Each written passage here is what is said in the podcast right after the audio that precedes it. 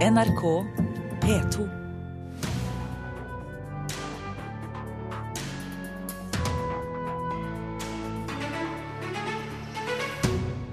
Popstjernen Kygo mener tiden er kommet for å satse penger på norsk musikk. Veldig mange har øynene rettet mot Norge nå, da. For de ser at her er det mye talenter, og her er det mye flinke produsenter og artister. Filmfestivalen i Grimstad stanset visningen av kontroversiell dokumentarfilm. Et nederlag for ytringsfriheten, sier kulturredaktøren i Dagsavisen. Det er kunst i alle ledd i ukens premierefilm, The Neon Demon, ifølge vår anmelder. Og Saudi-Arabia har verken kino eller teatre, og likevel satser landet på kultur og medier i ny femårsplan. Kulturnytt i Nyhetsmorgen i NRK. Det er nå man må investere. Nå er ting i begynnelsen. Det sier altså Norges største popstjerne for tiden, Kyrre Gørvel Dahl, kjent under artistnavnet Kygo. Fordi mange nordmenn bruker strømmetjenester, klatrer norsk musikk på listene også i resten av verden. Det forspranget vil Kygo at vi skal utnytte. Veldig mange har øynene rettet mot Norge nå, da. For de ser at her er det mye talenter, og her er det mye flinke produsenter og artister. Det sier 24 år gamle Kyrre Gjørvel Dahl, Fana-gutten som hoppet av økonomistudiene for å bli en av verdens største elektronikaartister.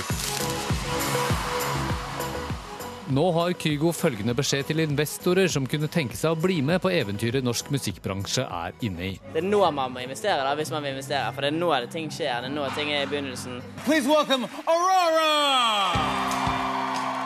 Det er mange som sier at norsk musikk befinner seg i en gullalder om dagen, med unormalt mange artister som gjør karrierer i utlandet. Men dette skyldes ikke bare kvaliteten på artistene. Det handler like mye om at nordmenns aktive bruk av strømmetjenester som Tidal og Spotify har ført til at resten av verden hermer etter vår musikksmak. Når tusenvis av nordmenn eksempelvis hører på High As A Kite, gjør veldig mange andre det også fordi musikken klatrer på listene. Dette er et forsprang som vi må bruke til å skape noe større, sier Katrine Synnes Finnskog i Music Norway. Vi har et unikt moment, og det må vi utnytte med å skaffe oss posisjon i det globale markedet. Hun sier norsk musikkbransje må klare det samme som svenskene. Man må motstå fristelsen å selge rettighetene til utenlandske plateselskaper. Man skal heller beholde dem i Norge, så man kan bygge en virkelig profesjonell musikkindustri som hele landet kan tjene på. Vi har ingen tradisjon for å eie og forvalte så mye immaterielle rettigheter, og der ligger det veldig store verdier. Hvis vi ikke klarer å sitte på rettighetene, så mister vi i tillegg til kompetanse også hele uh, bruttoøkonomien i en utgivelse. Det er synd for den norske musikkbransjen, det er synd for den norske staten, som mister skatteinntekter. Og det skaper mindre aktivitet i det norske musikklivet. Erik Brattås er daglig leder i Fonofile. Det er en norsk musikkdistributør som i det siste har etablert seg i en rekke land for å promotere norske artister mot strømmetjenestene. Han mener kulturministeren må gjøre mer for å hjelpe norsk musikkeksport, for det vil lønne seg på sikt. Nå kan eh, Kulturdepartementet benytte anledningen til å lage virkemidler som gir mer tilgang på kapital for eh, den kreative næringen og for musikkindustrien. For det har de ikke vært flinke nok til? Nei, Det finnes i hvert fall ikke noen sånn voldsomme ordninger på det området, nei. Nå har jeg jobba med ulike tiltak for uh, hvordan jeg tror vi kan eh, styrke kreativ næring og også øke eksport av uh, norsk kunst og kultur. Det svarer Høyres kulturminister Linda Hofstad Helleland. Og så avventer jeg nå til jeg får konkrete råd og tiltak fra Næringspolitisk råd. De skal komme med sine forslag før sommeren, og så får dere andre vente i spenning inntil jeg skal legge frem mine forslag. Og reporter var eh, Petter Sommer.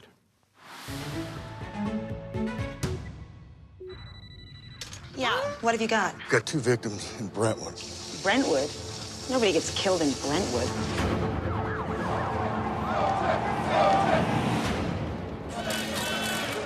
All right. You're going to say this case is all about race? Yes, Dette er et utdrag fra den amerikanske TV-serien om OJ Simpson, People versus OJ Simpson. Den eh, begynner på TV3 i Norge i kveld, og i dag er den anmeldt i flere norske aviser. Hvordan er den blitt eh, mottatt? Reporter Stine Traalt. Du, både VG og NRK Dagsavisen har anmeldt serien, og gir den en femmer, alle tre. VG skriver i dag at dette har blitt en TV-begivenhet som du bare må få med deg. Og serien tar altså for seg rettssaken og mediesirkuset rundt OJ Simpson da han var siktet for det brutale drapet på ekskona Nicole Brown Simpson og hennes eh, venn Ron Goldman i 1994. Og selv om man kjenner denne saken og utfallet, så skriver VGs anmelder mener at den er både forførende og fascinerende fra første episode. Men det er eh, ikke bare skryt, for eh, seriens største skuespillerstjerne, John Travolta, han får eh, hard medfart i både NRK og VGs anmeldelse. Han er for stiv og eh, karik karikert i sin tolkning av kjendisadvokaten Robert eh, Shapiro. Likevel så skriver Dagsavisen at dette er eh, ti episoder samfunnsfag og samtidshistorisk leksjon om USA. Og i kveld begynner det altså på norske skjermer. 122 000 mennesker besøkte årets utgave av Festspillene i Bergen. Det er ikke dårlig? Det er ikke dårlig, det er en ny rekord. Det er hele 17% flere enn i fjor, og da var det også et år som det ble satt eh, rekord. Og det er selvsagt Festspillene selv svært fornøyd med. De trodde nesten ikke det var mulig å toppe 2015, men i en pressemelding i dag så skriver de at eh, de har fått et bredere publikum, og de har altså da økt billettsalget betraktelig. Det skal handle om noen andre stjerner her. Kos med Preps og Dennis. Hallo! Hei, Preben! Velkommen tilbake til Lørdagsskaus! Yeah, Ruben Sondre er med. Og i dag så har vi en challenge som vi på en måte har laga sjøl. Prebz og Dennis, hvem er de, hva skal de? Ja, De er Norges største YouTube-stjerner, og nå er de et skritt nærmere en dokumentarfilm eh, om de to. Eh, er, eh, de har en enorm fanskare av unge norske fan, og det er fire år siden de nå lastet opp sin første video og åpnet YouTube-kanalen Prebz og Dennis. Eh, og dokumentarfilmskaperne de ønsker nå å lage en film om hvordan eh, dette endret livene deres, og faktisk også Medie-Norge for alltid. De skriver i omtalen av dokumentarfilmen at for mange vil eh, guttene være helt ukjente, men for andre er de et daglig must. Og i går så fikk de 150 000 kroner i utviklingsstøtte av Vestnorsk Filmsenter. Til Preps og Dennis. Og det skal fortsatt handle om eh, dokumentarfilm. Filmskaperne bak den kontroversielle dokumentaren The Magnitsky Act, oppkalt etter en amerikansk lovparagraf, vil fortsatt kjempe for at filmen deres blir vist. Filmen skulle hatt verdenspremiere på kortfilmfestivalen i Grimstad i dag, men den ble trukket fra programmet denne uken. Det skjedde etter at den amerikanske milliardæren William Browder truet med å saksøke festivalen. Nå skal produsent Torstein Grude i stedet vise filmen i neste uke for medlemmer av Kongressen i USA. Vi skal definitivt få denne filmen vist. Det er ingen Bill Brother som skal klare å stanse oss i det. Det sier Torstein Grude, produsent for dokumentaren The Magnitsky Act Behind the Scenes. I dag skulle dokumentaren egentlig bli vist under Kortfilmfestivalen i Grimstad, men de valgte å stoppe visningen pga. varsel om søksmål om de viste filmen. Filmen, laget av russiske Andrej Nekrasov, handler om den nå avdøde russiske skatteadvokaten Sergej Magnitsky, som døde i fengsel i Russland i 2009. Han representerte bl.a. den amerikanske investoren William Browder, som nå på vegne av seg selv, Magnitskys kone og mor har varslet dette søksmålet. De hevder at filmen inneholder uriktige opplysninger og er ærekrenkende for Browder og Magnitsky. Styreleder i Kortfilmfestivalen, Tom Eilertsen, sier at festivalen ikke har hatt tid til å foreta de nødvendige og forsvarlige juridiske vurderingene før en eventuell visning. Filmen har heller ikke noe visningsforsikring som gjør at festivalen ikke er beskyttet økonomisk om det skulle bli rettssak. For det vil jo ha vært en eh, kall det et økonomisk eh, selvmord for Kortfilmfestivalen å gå inn i en uh, rettssak av disse dimensjonene med den kompleksiteten som saken har. Striden om filmen handler om hvorvidt den inneholder ærekrenkelser eller ikke. Men hva ærekrenkelsene går ut på er ikke kjent, fordi filmen ikke er vist offentlig. Men Torstein Grude er så trygg på innholdet i filmen at han skal vise den for den amerikanske kongressen i forbindelse med en lukket høring om Russland-spørsmål førstkommende mandag. Vi kan ikke leve med uh, å ha en undersøkende, gravende dokumentar som finner de funnene som denne filmen uh, avdekker Eh, og, og så la den ligge upublisert. Det, det, er helt utenkelig. Denne filmen, må, denne, denne filmen har stor interesse for offentligheten, og den må vises.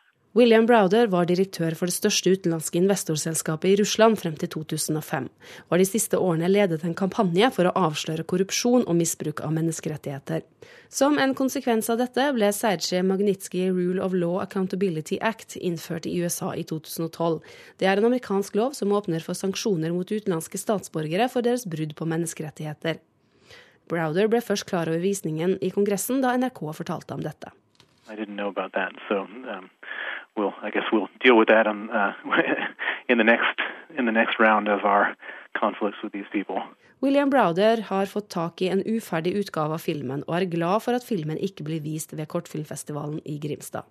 Well, I think that that's the only responsible thing to do. I mean, nobody has the right to lie and desecrate a, a dead man. Browder mener dette ikke handler om ytringsfrihet. Det handler om at de ikke kan lyve om ting som allerede er bevist at er feil, sier han. This is, this is not some, some type of uh, restriction on freedom of speech. It's a restriction on, on uh, these people not lying in public about matters which have already been proven Uh, completely, the, the things that they're saying have been proven completely to be false. Torstein Grude, produsent for The Magnitsky Act, mener at filmen står seg. Vi kan dokumentere alle våre funn i den filmen. Her, vil filmen uh, tale uh, for seg.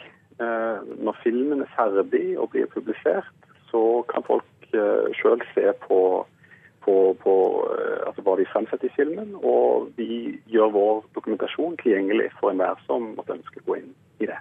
Mm. Det er ingen løgner i vår film. Torsten Grude, produsent av The Magnitsky Act, til vår reporter Eirin Venås Sivertsen. Mode Steinkjer, kulturredaktør i Dagsavisen. Ødeleggende for festivalen, skriver du i dagens avis. Hvordan påvirker denne avgjørelsen kortfilmfestivalen i Grimstad og deres omdømme? Kortfilmfestivalen i Grimstad er jo en nesten 40 år uh, gammel institusjon. Uh, den er tufta på et fundament som går på at den skal være et sted for ytringsfrihet for filmskapere. Når de da velger å stanse visningen av en film på bakgrunn av rene trusler fra en amerikansk uh, milliardær, så mener jeg at de spiller fallitt fullstendig i forhold til å opprettholde det samfunnsoppdraget de har tatt på seg, og som de også er støttet for fra bl.a. den norske stat. Hvordan mener du de skulle håndtert saken? For hvis det er sånn at det kunne resultert i en kostbar og langvarig rettssak som de kanskje ikke har råd til å håndtere, hvordan skulle de gjort det? Eh, det er et veldig godt spørsmål, og det er klart at denne saken er kompleks. Eh, jeg mener at hvis denne filmen eh, hadde blitt vist, så, så, så, ville man også da i offentligheten ha sett hvorvidt påstandene fra den amerikanske Browder er riktige eller ikke. Ville den da havnet i rettsapparatet i den størrelsesorden som filmfestivalen anslår? Jeg er ikke så veldig sikker på det. Jeg tror at hvis de hadde gjort dette helt riktig, vist filmen med debatter og diskusjoner og andre ting som hadde eh, gjort at alle hadde kommet til orde i denne, denne, saken, så hadde de helt fint kunnet eh, unngå en, en stor rettssak. En PFU-sak, det kunne de godt uh, fått på nakken. Det har skjedd i Grimstad før, men, men det hadde de tålt. Handler det om sannhetsgehalten i filmen, eller handler det om um, friheten til å vise noe uavhengig av hva som påstås? Eh, nå handler det egentlig om begge, begge deler. Også Sannhetsgehalten i filmen er det jo da ingen som kjenner, siden den ikke er vist offentlig noe sted. De eneste som sier at de kjenner den sannhetsgehalten, det er da eh, William Browder selv, som vi hørte her. Eh, det er Helsingforskomiteen som har sett filmen og har hatt innvendinger mot den. Det er selvsagt festivalen selv som har sett den, og det er produsent og regissør. Vi andre kan ikke ta stilling til hvorvidt dette her er riktig eller ikke, men jeg mener at det fortjener da offentlighetens interesse, sånn at det da kan diskuteres i etterkant, og eventuelt komme med en fasit som ikke har vært der før. Offentligheten, ja, Dette er en film som er støtte, som du skriver, av, av Norsk Filminstitutt, Fritt Ord. Eh, politikere har vært på banen, Venstre-leder Trine Skei Grande. Hva synes du om den offentlige debatten og ordskiftet rundt denne avgjørelsen og, og trusselen om saksøking osv.? Det er en veldig interessant debatt. Jeg tror at den er også veldig velkommen. Eh, problemet er at de har satt seg inn i en politisk knute her ved at eh, Browder selv har vært i Norge. Han har snakket med norske politikere. Eh, Trine Skei Grande er blant dem som har kritisert ikke filmen i seg selv, men Filminstituttet for å ha støttet en film som hun, uten å ha sett filmen, åpenbart mener er, russisk propaganda. Og da har man kjørt seg inn i et hjørne hvor, hvor Kortfilmfestivalen blir sittende igjen som svarteper. Takk skal du ha, Mode Steinkjer, kulturredaktør i Dagsavisen. Klokken er passert 17 minutter over åtte. Du hører på Nyhetsmorgen i NRK. Meklingen mellom SAS og flygerne pågår fortsatt på overtid. Fristen gikk ut ved midnatt. Dersom det blir brudd, kommer 435 flygere til å streike. Direktoratet for samfunnssikkerhet og beredskap frykter for sikkerheten til norske togpassasjerer. Flere interne rapporter i Jernbaneverket avslører brudd på reglene. Verden er et godt stykke unna å nå klimamålene, ifølge ny rapport fra Statoil. Og senere i Kulturnytt skal vi høre mer om fortsettelsen av historien om Harry Potter. Saudi-Arabia, et land uten kino, uten teatre, skal bygge opp en ny medieindustri for å motvirke det myndighetene kaller negative fordommer om landet. Det er en del av en ny femårsplan regjeringen vedtok mandag denne uken, som også har som mål å finne på ting å gjøre når oljen tar slutt. Og Midtøsten-korrespondent Sigurd Falkenberg Mikkelsen, handler dette om å få fart på økonomien, eller om påvirkningskraft? Jeg tror vi er inne i et uh, klassisk både-og her. Kanskje i første gang, omgang handler dette om uh, økonomi. Uh, det å finne ansettelsesmuligheter for unge saudi-arabere. Eh, fordi de har en veldig stor majoritet av befolkningen som er unge. Det er lite jobber til dem. Eh, og de har da et eksplisitt mål om å få flere saudiarabere til å jobbe. Eh, det har ikke alltid vært så lett, og det er heller ikke så lett bl.a. fordi det er et helt kjønnssegregert arbeidsmarked. Men altså denne unge befolkningen som er veldig aktive på sosiale medier. Det er mange som har utdannelse i utlandet med en relativt uh, god utdannelse. Også, også, en, også, kanskje en ganske solid økonomi hjemmefra, men altså ikke noen særlig sysselsettingsmuligheter. Her tror jeg de ser en mulighet, og de sier jo da at de ønsker å øke antallet ansatte i medieindustrien fra i dagens 10 000 til opp mot 16 100 innen 2020. Men så er det klart at påvirkning også er eh, viktig. Eh, ja, De sier det jo rett ut. Ja da, absolutt. absolutt. Eh, og de føler veldig sterkt at de har fått et veldig kritisk søkelys de siste par årene. Søkelys de ikke er vant til.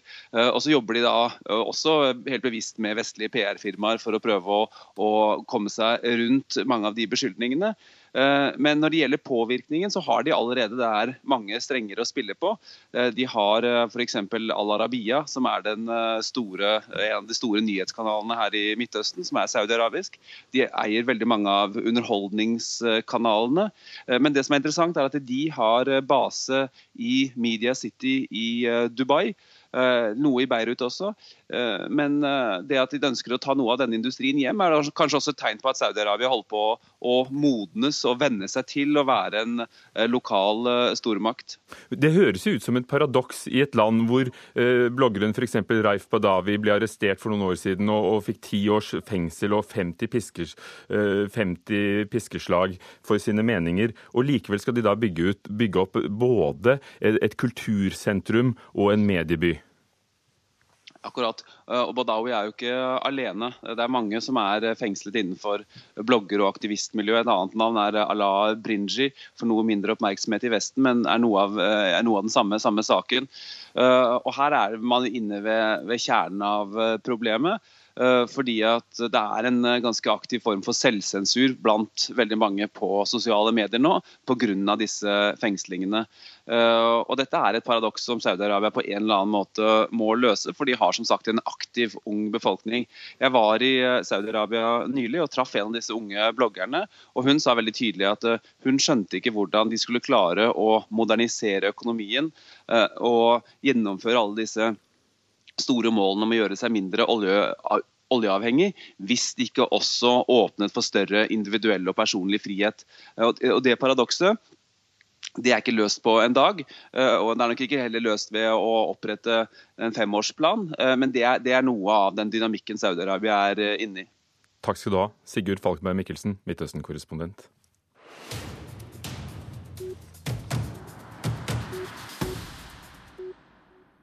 Den danske filmregissøren Nicolas Winding Reffen har nådd toppen. Han har bevart dristigheten og temperamentet og er blitt perfeksjonist. Ja, det er simpelthen kunst i alle ledd i hans nyeste film, The Neon Demon, sier vår anmelder Einar Gullvåg Staalesen.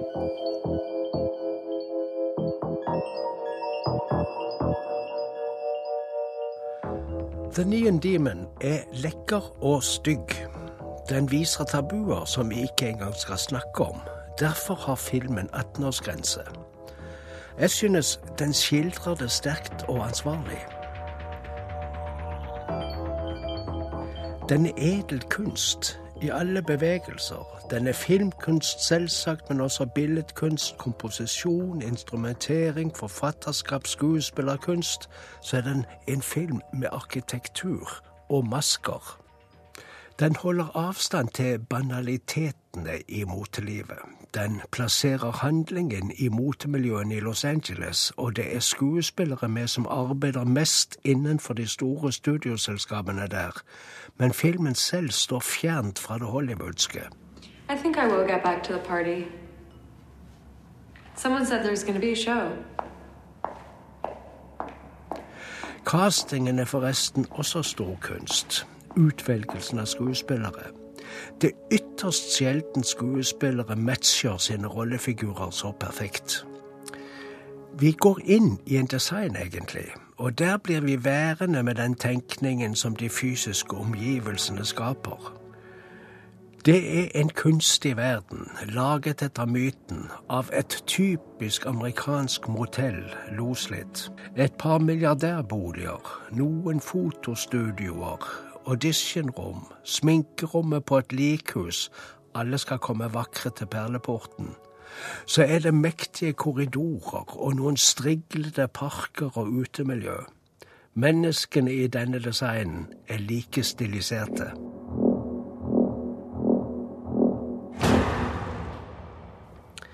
Dit kommer vår lille uskyldsvite pike, 16 år så vidt. Allerede første dagen får hun beskjed om å si at hun er 19. Jeg vil ikke bli som de andre her. Alle de andre vil bli som meg, sier hun etter noen dager. I diskré, men bestemte vendinger utleveres det romantiske modellyrket med sjalusi og lengsler som jenter kan drepe for. Det er nyanser av uhygge i skildringene, og thriller i handlingsgangen, men det dreier seg ikke om å skape spenning, egentlig. Det dreier seg om særdeles våken observering, og om analyse.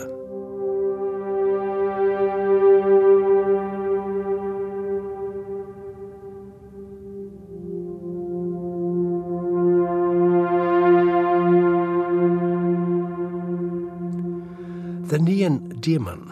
En fri oversettelse av tittelen kan være Rampelysets demon.